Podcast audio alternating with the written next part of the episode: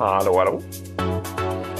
Hej, vi ska först ta och tacka Agile People, agilepeople.com och puffa lite för deras virtuella kaffe då.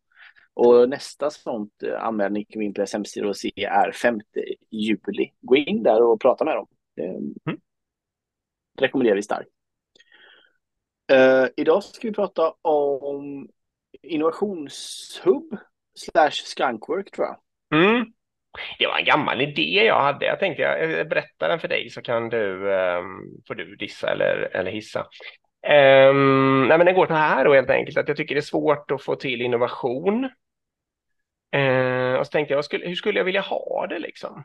Och så, det är lite det då, apropå skunkwork, att det är ofta folk som lägger sig i också tycker att uh, så där kan du inte hålla på. Liksom. Och då tänkte jag att jag skulle Mm. göra en hemlig innovationsklubb. Så att jag skulle eh, bjuda in eh, ett ganska litet antal, men dock några då, alltså i typ som ett team helt enkelt, som kanske är så- sådär eh, fyra, fem, sex, sju människor då, lite beroende på liksom. Och sen eh, pratar vi inte om vad vi gör utanför den där klubben och sen ses vi, eh, ja det kan man hitta på vad som helst. Jag tror jag tänkte en gång i veckan i två timmar eller fyra timmar eller något sånt där liksom.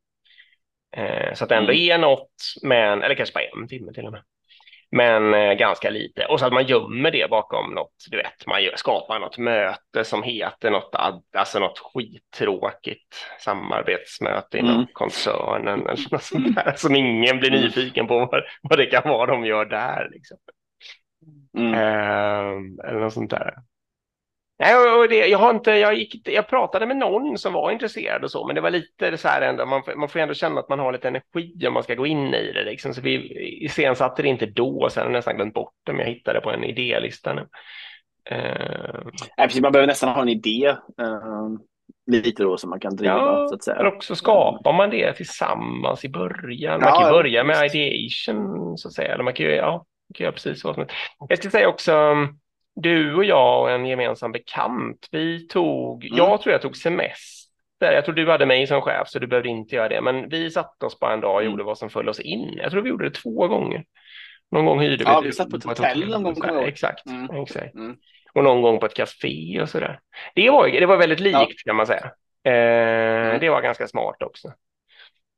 Mm. Eh, Nej, men precis. Och det, det, det, det gjorde jag ju eh, faktiskt konsekvent för. Jag gör inte det Ja. lika mycket längre. mm, Um, alltså att jag bara jag blockar ut en dag, alltså jag kan ta semester någonting och eller Mm. bara skriva att jag är på kurs eller något och sen Mm. bara sätter jag mig helt utan ett enda möte och så bara okej, vad vill jag verkligen ta tag i Mm. nu liksom?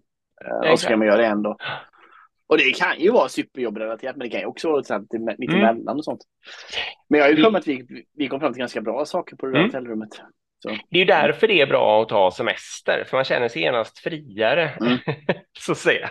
Och sen gör man ofta Mm. jobbsaker. Det här beror ju lite på hur mycket, men i mitt fall då har jag ju ganska mycket sparad semester, för jag har ju eh, varit föräldraledig Mm. många somrar och sådär. Liksom. Men, eh, men liksom till, till exempel, eller, eller om man har en bra arbetsgivare eller hur det nu är. Men, men just att få den där konstnärliga friheten och verkligen kunna följa känslan är ganska bra. Eh, det blir ofta Mm. bra grejer av det. Liksom. Mm. Ehm, Sen är det ju, jag menar på ett sätt kan man ju säga då att det, det är synd att det ska behövas, att man Ja, inte kan göra det. Liksom, det är kanske, ja så, det är värt att nämna det. Men ändå kan man ändå säga att det är klart att det eh, är smart. Om vi går in mer på skunkwork, liksom, det är Mm. också sånt arbete som man gör egentligen utan att någon annan ser. Liksom. mm, Um, man gör det lite hemligt. mm, Jag har gjort, och vi har gjort massor med sånt arbete historiskt. Uh, alltså olika service för att ta reda på olika fakta, för datainsamla en viss Mm. åsikt och sådär. Um, som exempel. Och det är ju, det, jag, tror det är ganska bra och smart att göra det.